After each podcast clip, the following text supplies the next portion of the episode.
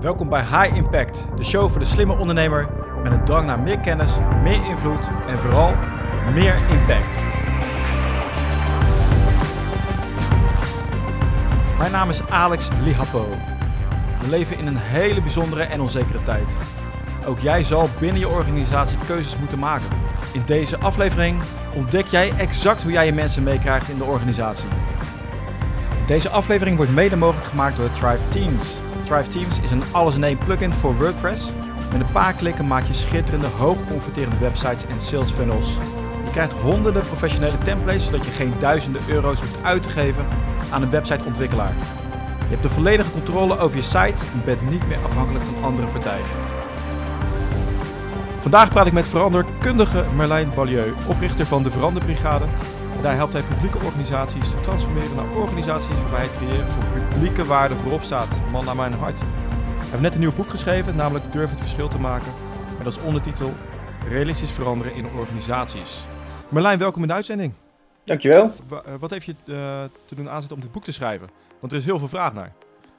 Ja, dat is ook wel iets wat mij verbaasde. Dus ik bedoel, ik heb ook wel eens de vraag gekregen: joh, nog een boek over verandermanagement. Ik geloof dat er nog 2 miljoen zijn. Waarom eh, zou je dat nog willen?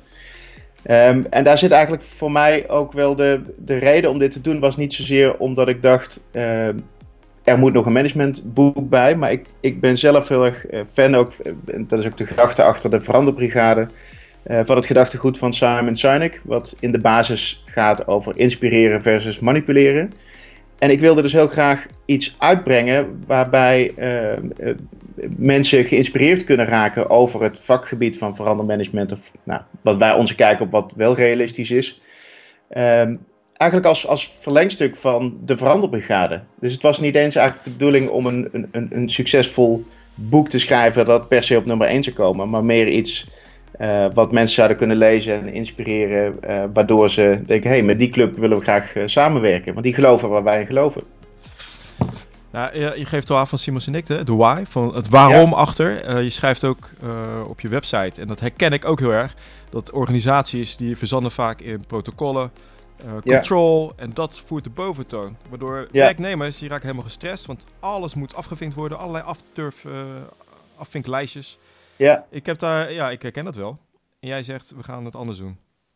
zeker. En het, het gekke is eigenlijk dat weet je, niemand in Nederland eh, durft ervoor uit te komen dat ze van de, van de turflijstjes zijn. En, en, dus al die bedrijven die zeggen zelf ook, ja nee, we zijn heel erg van de bedoeling. En dat willen we ook heel graag. En ook als je mensen spreekt over hoe werkt verandering, dan, dan hebben ze helemaal niet het idee dat dat met een blauwdruk moet. Of dat het allemaal helemaal gepland moet worden.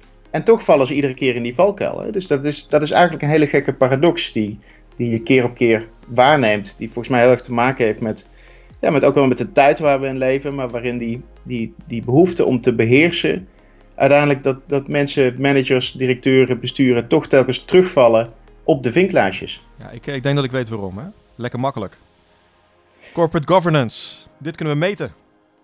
Ja, nou, zeker. Hè? Dus, maar dat vind ik zelf eerlijk gezegd ook. Hè? Dus je, het is wel grappig dat je begint met. eh, eh, je staat al twee weken op, op, op nummer één. En Dat, ergens is dat ook gewoon lekker meetbaar. Hè? Zo, Ja. zo, hoeveel boeken verkoop je? En tegelijkertijd, waar word ik nou zelf het meest blij van? Zijn eigenlijk de reacties. Hè? Dus veel meer wat is merkbaar. En, en dat is ook wel iets waar ik een, een- probeer een, een houvast te bieden. Eh, voor eh, organisaties die heel erg werken met, met KPI's, alles wat meetbaar is, smart maken. Kun je nou een combinatie maken tussen meetbaar en merkbaar? En, en ik merk dat, dat het werken met wat merkbaar is, ook sommige mensen een alternatief geeft voor houvast. Ja, dus als je alleen maar zegt, eh, je moet loslaten, ja, daar ben ik zelf ook niet zo heel erg van. Weet je, alles wat je loslaat valt gewoon kapot. Dus je, je zult wel een alternatief moeten bieden voor iets van houvast. En dat, dat kan bijvoorbeeld ook in je, mensen hun ogen openen voor wat merkbare verandering is. Ja, ik eh, ben heel benieuwd naar een heel mooi voorbeeld wat je nu kan geven. Nou, dit- het voorbeeld wat ik. Er zijn denk ik talloze voorbeelden, maar wat ik eh, eh, zelf een, een, een persoonlijk een heel mooi voorbeeld vind van wat merkbaar is, is voor mij dat ik een, een hele lange tijd bij een ehm, onderwijsorganisatie heb rondgelopen. En ehm, da- daar hebben we een heel bijzonder verandertraject gedaan. En daar hadden we geen KPI's, geen smart geformuleerde doelstellingen. Hoewel de aanleiding eigenlijk best wel meetbaar was. Dus het ging in de aanleiding over teruglopende studentenaantallen. Uh, iets wat je ook kunt meten in, in, in bevlogenheid van medewerkers. Dus dingen die eigenlijk voorheen wel meetbaar waren. Daar zagen ze wat teruglopende resultaten op. Maar ze hadden ook door van hey, het, moet, het moet anders. Nou, en een van de meest merkbare dingen was dat ik op een gegeven moment, uh, toen we al, ik denk twee jaar bezig waren daar, um, de laatste week van de zomervakantie uh, weer naar die uh, onderwijsorganisatie ging. En de hele parkeerplaats stond vol met auto's. En ik dacht, oh, de school is alweer begonnen. dus ik liep naar binnen en ik, ik sprak de conciërge. En die conciërge die vroeg ik van, joh, ben ik een week te laat? Want volgens mij begint er pas volgende week de school. Zegt hij, ja, ik weet ook niet wat er aan de hand is. En ik zag inderdaad geen leerlingen rondlopen, maar alle docenten, nou, op een paar na, zijn een week eerder naar school gekomen om het schooljaar goed voor te bereiden. En dat is de eerste keer in de geschiedenis dat ze dat hebben gedaan. Dus ik vroeg aan hem van, goh, heeft de directie uh, uh, nieuw beleid gemaakt of zo? Hè? In een instructie dat dit moet of een protocol? Nee, zei hij, ja, dat is geen idee. maar dit was intrinsieke motivatie. Dus je zou kunnen zeggen dat dus de, de parkeerplaats zou je ook kunnen noemen, is de nieuwe KPI voor uh, uh, hoe je het meetbaar kunt maken. Maar het was zo merkbaar uh, dat mensen het op een andere manier wilden gaan doen. Um, en diezelfde conciërge die sprak ik een jaar daarvoor. En die zei, joh, ik heb mensen nog in lange tijd niet zoveel zien lachen op de gang.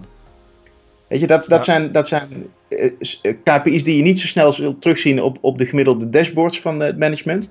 Maar die zijn voor mij ontzettend belangrijk. Ik moest er, ik moest er ook aan denken, van uh, al die chagrijnige blikken die je dan ziet. Van dat ja. zou een mooie KPI zijn. Van hoeveel wordt er gelachen op een afdeling? Absoluut, hoeveel absoluut. Ik denk ook... Bevlogenheid, ja. Nou, bevlogenheid, maar ik denk ook dat heel veel organisaties maken het heel uh, zwaar. En een van de dingen die ik ook in die organisatie heb geleerd, ik, ik ben een keer met een, ik had een, een, een kunstenaar te gast en um, die, die leidde ik door het gebouw en die zei, joh, de, de zwaarte zit hier in de muren. En um, en toen raakte ik met haar in gesprek en, en we kwamen er eigenlijk op uit dat wat daar nodigheid, nodig was, was lichtheid, mildheid en humor. En het, het grappige is dat, uh, ik vond dat heel erg passend voor die organisatie en ik ben die drie woorden ook daar een paar keer gaan noemen en dat, dat vond heel veel herkenning. Maar die, die drie woorden ben ik op heel veel plekken in, in organisaties gaan noemen en ik, overal worden ze herkend. Dus iets met die vinklijstjes en, de, en die controle en beheersing maakt het ook uh, zwaarmoedig, uh, chagrijnig. Uh, dus heel veel mensen hebben behoefte aan lichtheid, mildheid en humor. Dus je zou kunnen zeggen dat dat een aardig medicijn zou kunnen zijn voor, voor veel organisaties. Ja, ik, ik, heb er nog eentje. Wat mijn idee is dat ook veel managers of directieleden ook niet weten hoe ze mensen moeten bewegen anders dan turflijstjes. Klopt. Gewoon zeggen van ja, het staat hier toch, dus we ja. doen het. Ja, ja, en, daar zitten volgens mij een aantal uh, belangrijke oorzaken in. Dus ik, ik geloof ook echt dat als je direct actie wil hebben, ja, dat kan maar op één manier. En dat is eigenlijk een instructie geven aan mensen. dus als je zegt, nou, je moet iedere drie seconden je, je arm omhoog steken, weet je, dat, dat, dat kun je in een instructie uh, opschrijven. Maar we willen natuurlijk tegenwoordig allemaal zelfdenkende professionals met eigenaarschap en, en, en durf en lef en ondernemerschap en noem maar op. Dus dan gaat het over gedragsverandering. En bij gedragsverandering werkt nou net niet die, die instructielijst. Maar het, het paradoxale is dat wanneer, uh, als je kijkt naar het management, dat ze heel vaak denken in termen van ofwel volledige beheersing, instructie en controle, ofwel helemaal loslaten. Dus dan zeggen ze ja, we moeten gewoon loslaten. Maar gewoon loslaten brengt mensen ook niet per se in beweging. Dus waar, waar het boek ook over gaat, is eigenlijk letterlijk hè, durf het verschil te maken tussen mensen. Als ik naar een organisatie kijk die graag wil toebewegen, bijvoorbeeld naar meer eigenaarschap, dan weet ik één ding zeker: er zijn al lang mensen die heel veel eigenaarschap hebben in die organisatie. Dus zie ook wat er echt is. En ik, ik zie heel veel directies die mensen in beweging willen krijgen, die dan met algemene oplossingen komen die voor iedereen gelden. Maar dat is een ontzettende disqualificatie voor die mensen die het al lang hebben, dat eigenaarschap. Die al lang in beweging zijn. Dus het begint ook bij te zien wat er werkelijk is. En als je dat doet, zul je ook zien dat er een paar mensen zijn die misschien nooit dat eigenaarschap zullen nemen zoals je wilt. Dus het idee dat er één maatregel is, één wasstraat, die voor iedereen hetzelfde effect heeft, is een hele naïeve, niet realistische manier van verandering, wat mij betreft. Ja, ik herken het ook. Dat, ze alle, hè, dat alle medewerkers worden behandeld als een uh, soort een, uh, als damstenen. Ja. Van oké jongens, iedereen neemt uh, eigenaarschap op X, Y, Z probleem en gaat daarmee aan de slag. En ik zie het meer als een, uh, het is een spel van, van schaken. Kijk welke mhm. pionnen je op de juiste plek neerzet. En dan gaan mensen ook stralen van hey leuk, ik word gewaardeerd voor wie ik ben, Precies. voor wat ik kan. En als je dat naar boven haalt, dan gaan mensen lopen. Absoluut. En ik vind het ook een helpende gedachte, ook voor, voor mensen die ik spreek, van joh, maar er, er is al lang iets in beweging. Dus ik zeg ook wel eens, de, de, heel veel verandertrajecten leiden juist tot stilstand in organisaties. En ondanks heel veel verandertrajecten is er heel veel beweging in organisaties. Ja, ja al die... Uh, wat ik ook merk is dat het vaak op het laatste moment is. Van oké, nu er komt een of andere control of iets aan. Of er moet nu iets veranderen naar aanleiding van misschien iets externs. Ja. Het moet allemaal heel snel. Ja. En dat is waarschijnlijk ook een reden waarom het allemaal zo, uh, ja... Uh... Nou ja, wat in de publieke sector denk ik nog meer speelt dan in de private sector, is de rol van uh, die bijvoorbeeld de inspectie kan hebben. Dus bij, bij ziekenhuizen, bij woningcorporaties, bij, bij zorginstellingen, bij onderwijs. Ja.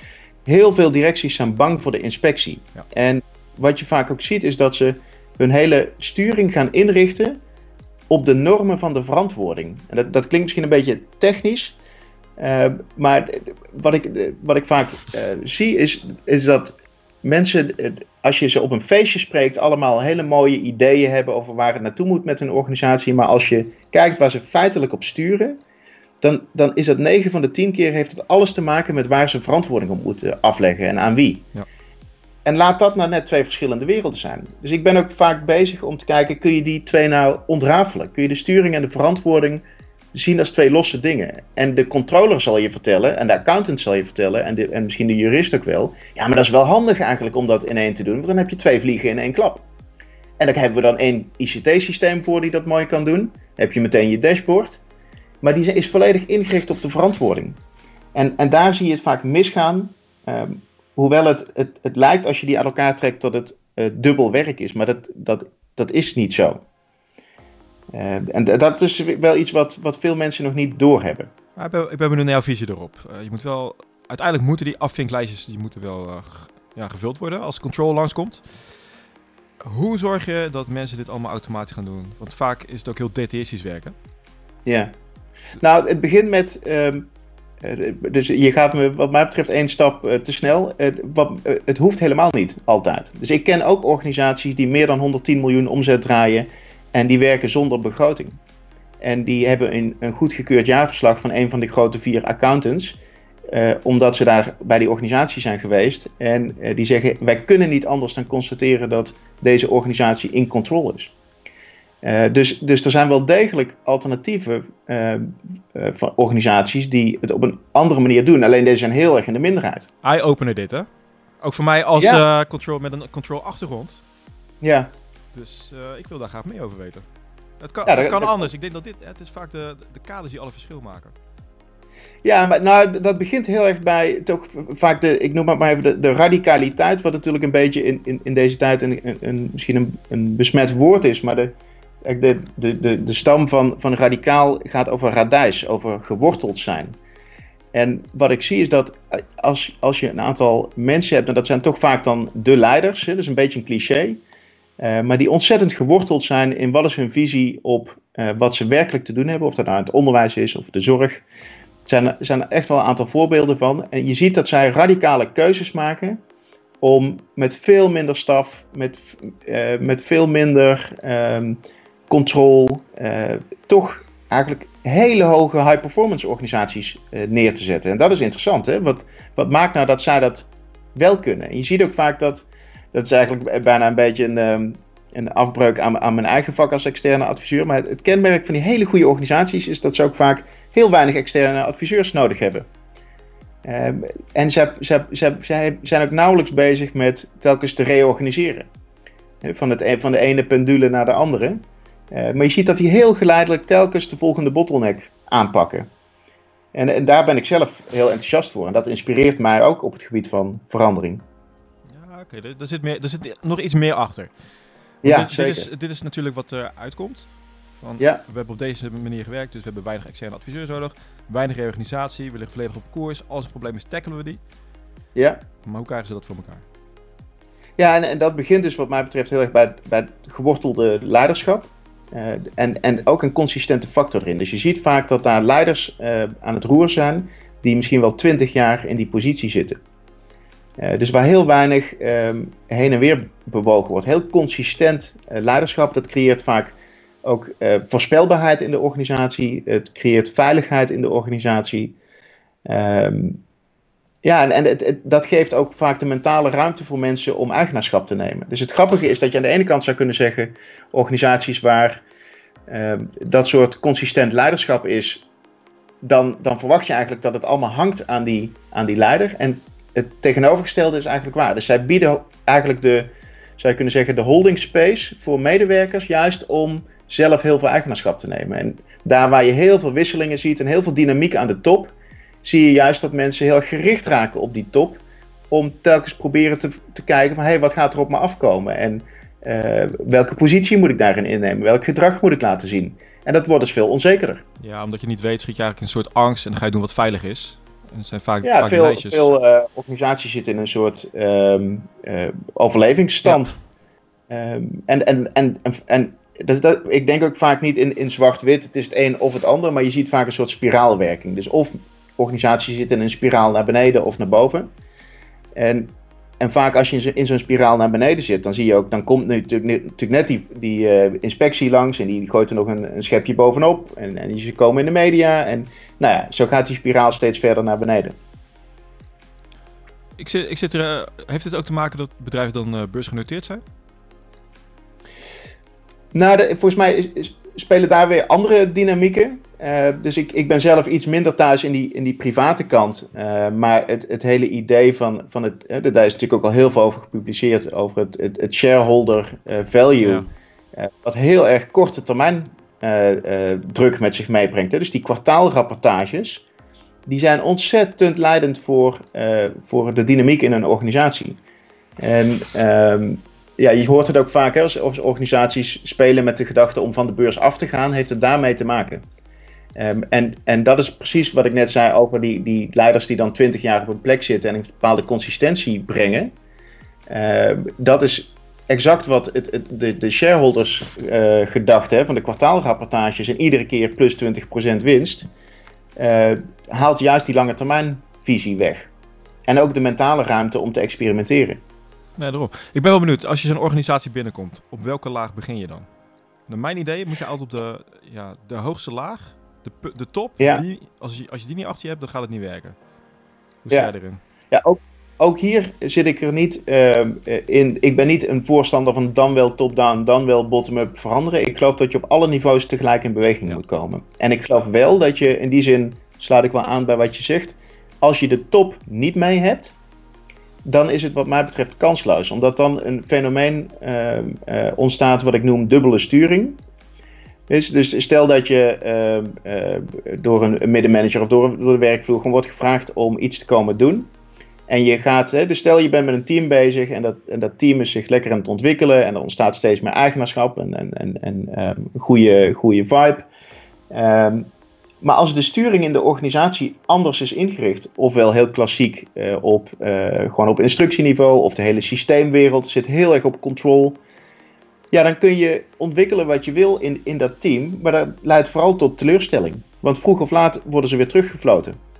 Dus als je die niet op al die niveaus tegelijk aan het schakelen bent, dan zijn de meeste uh, veranderingen in organisaties eigenlijk gedoemd te mislukken. Dus je zult wel degelijk moeten contracteren met de top. Um, minimaal om uh, congruent te blijven met de verandering die je wil. En dat betekent niet dat de top alles moet bedenken wat de verandering nee. moet zijn. Dus je zult in gesprek moeten blijven met de top. Je zult ook een soort uh, ja, standing invitation moeten hebben om ieder moment uh, daar binnen te lopen als je merkt dat het nodig is. Uh, maar de beweging kan prima van, van onderop vormgegeven worden. Zeg je wel eens nee tegen organisaties als je praat met management of directie? En dat je eruit uit op proef van, ik zit hier niet, dit gaat, ik ga ze niet kunnen helpen. Ja, ja uh, uh, dat, dat gebeurt uh, zeker. Ehm, alleen al omdat ik, ik ben niet van iets zelf ook gaan ondernemen. Ehm, ik wil het graag ook leuk hebben voor mezelf. En soms bij, bij het eerste telefoontje, als je iemand aan de telefoon hebt, dan, dan hoor je al, oh, dit, dit gaat hem niet worden. Um, en dan, dan, dan, dus meestal vang ik het aan de voorkant wel wel af. Dan heb je vrij snel door, is dit een, een echte vraag waar wij ook het verschil kunnen maken? Uh, of, of vragen ze eigenlijk uh, van joh, uh, we willen meer eigenaarschap, maar eigenlijk willen we vooral meer compliance. Hè? Dus willen we eigenlijk dat mensen meer gaan luisteren naar ons. ja, dat zijn, de, dat zijn inderdaad de vragen waar we nee tegen zeggen. En, en wat het wel eens ingewikkeld maakt, is als um, je eigenlijk via een bekend iemand um, de linking pin is tussen zo'n organisatie. Dus dan, heb je, dan voel je eigenlijk een soort. Um, ja, verantwoording naar die kennis van je om, uh, om ze wel te helpen. Maar je weet eigenlijk, dit gaat hem niet worden. Dus dan, dan is dat het wat uh, ingewikkelder om daar goede woorden bij te vinden. Dus dat is wel eens ja, vervelend. Maar we zeggen zeker nee als we denken dat we dat, ja, dat, dat wederzijds niet gaat stromen. Dat is de volgende vraag. Wat merk je dan bij zo'n organisatie? Nou, ze, en dat is, dan kom ik even terug op wat ik helemaal aan het begin zei. Dus met de veranderbrigade wilden we echt vanuit inspiratie werken. En het idee is ook dat we een lange termijn um, relatie opbouwen met klanten. En als je alleen maar zit op, op manipulatie, dus stel dat we als veranderbrigade um, een website zouden hebben waar we al onze producten aanprijzen en we gaan regelmatig doen we salesgesprekken om onze producten aan te prijzen, dan kun je nog met een, met een bonusactie, twee voor de prijs van één, kun je nog het voor elkaar krijgen dat ze iets, iets bij je afnemen. Alleen de loyaliteit stopt ook weer als de actie is afgelopen. En wij proberen precies het tegenovergestelde te doen. Dus, dus wij, zitten heel erg op die kant van inspiratie. En wij gaan dus ook niet voor 100% van de markt. Dus wij zoeken uh, in zekere zin naar 1% die geloven waar wij in geloven. En dan, dan kom je dus op dat stuk van, uh, de, de, de, soort van terug naar de essentie van waar is de organisatie van en dat is dus inderdaad niet alle focus op control en compliance. Um, maar als er organisaties zijn die, um, die dat wel willen en die toch toevallig bij ons uitkomen, ja, dan, dan kom je al snel in een gesprek van: hey, dit, dit gaat hem niet worden, bij ons moet je niet zijn. Um, maar er vindt dus al een soort voorselectie plaats. Dus ik denk dat 95% van de mensen die ons benaderen, die hebben ook al van ons gehoord uh, en, die, en daar moet het boek ook aan bijdragen. Van hey, wat is nou onze filosofie op verandering, op sturing, op organiseren. Um, en als ze zich daarin aangesproken voelen, ja, dan gaat zo'n eerste gesprek is dan ook niet een, een gesprek waarin je bewijs van uh, zaken doet, maar waar je eigenlijk al meteen begonnen ja, bent ja, vaak. Ja, consultative selling ook wel genoemd. ja, ja. geef een mooi woord nee, maar, inderdaad. Ja. op je site is wel heel duidelijk van waar jullie voor staan. Alleen ik kan me voorstellen dat zo'n organisatie mm alsnog denkt van... weet je wat, als we nou uh, de veranderbrigade erbij houden, halen... dan uh, gaat het allemaal een stuk makkelijker. Ook al wil ik alles wel controleren. Ja. ja. Nou, maar dat is wel een, een, punt wat je, wat je aansnijdt. Dus wat ik ook wel eens ingewikkeld vind... is, uh, ik noemde net al dat woord van, van die dubbele sturing... maar is dat, dat sommige organisaties op twee paarden wedden. Dus dat ze aan de ene kant zeggen, we willen mee in, in, ook in de tijdsgeest waarin we zeggen, hey, je kunt niet meer verkopen dat je op een oude klassieke manier stuurt. Dus het moet veel meer vanuit zelfsturing en een eigenaarschap. En we vragen die veranderbrigade om daar ook bij te helpen. En aan de andere kant uh, nemen we tegelijkertijd een directeur en een controller aan die alleen maar daarop zitten. Dus de, dat er eigenlijk op twee paarden wordt gewet. En, en dat is ook geen um, duurzame weg. En ik zie dat die wel vaak wordt verwandeld. heeft belang erbij om zijn eigen functie in stand te houden. Dus dat is ook lastig. Zeker. Zeg, publieke sector. Ja. Um, ja. Al die medewerkers. Heel veel. Ik, hm. ik heb ook wel eens bij een overheidsinstantie gewerkt. Zitten daar wel. Ja. Die vinden het allemaal wel best. Dus die, zijn ook, die vinden het wel uh, goed om orders te krijgen. En die voeren het dan uit of niet.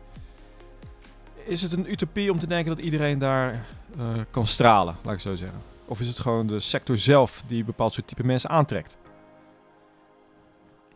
Nou, volgens mij is het, is het en-en. Dus ik kom heel veel gepassioneerde uh, mensen tegen. Wat ik, ik, ik zou in de publieke sector misschien wel een paar onderscheiden willen maken. Dus ik vind de overheid, of het nou de Rijksoverheid is of de lokale overheid, uh, daar heb je te maken met publiek, uh, publieke organisaties, ook met een politieke sturing.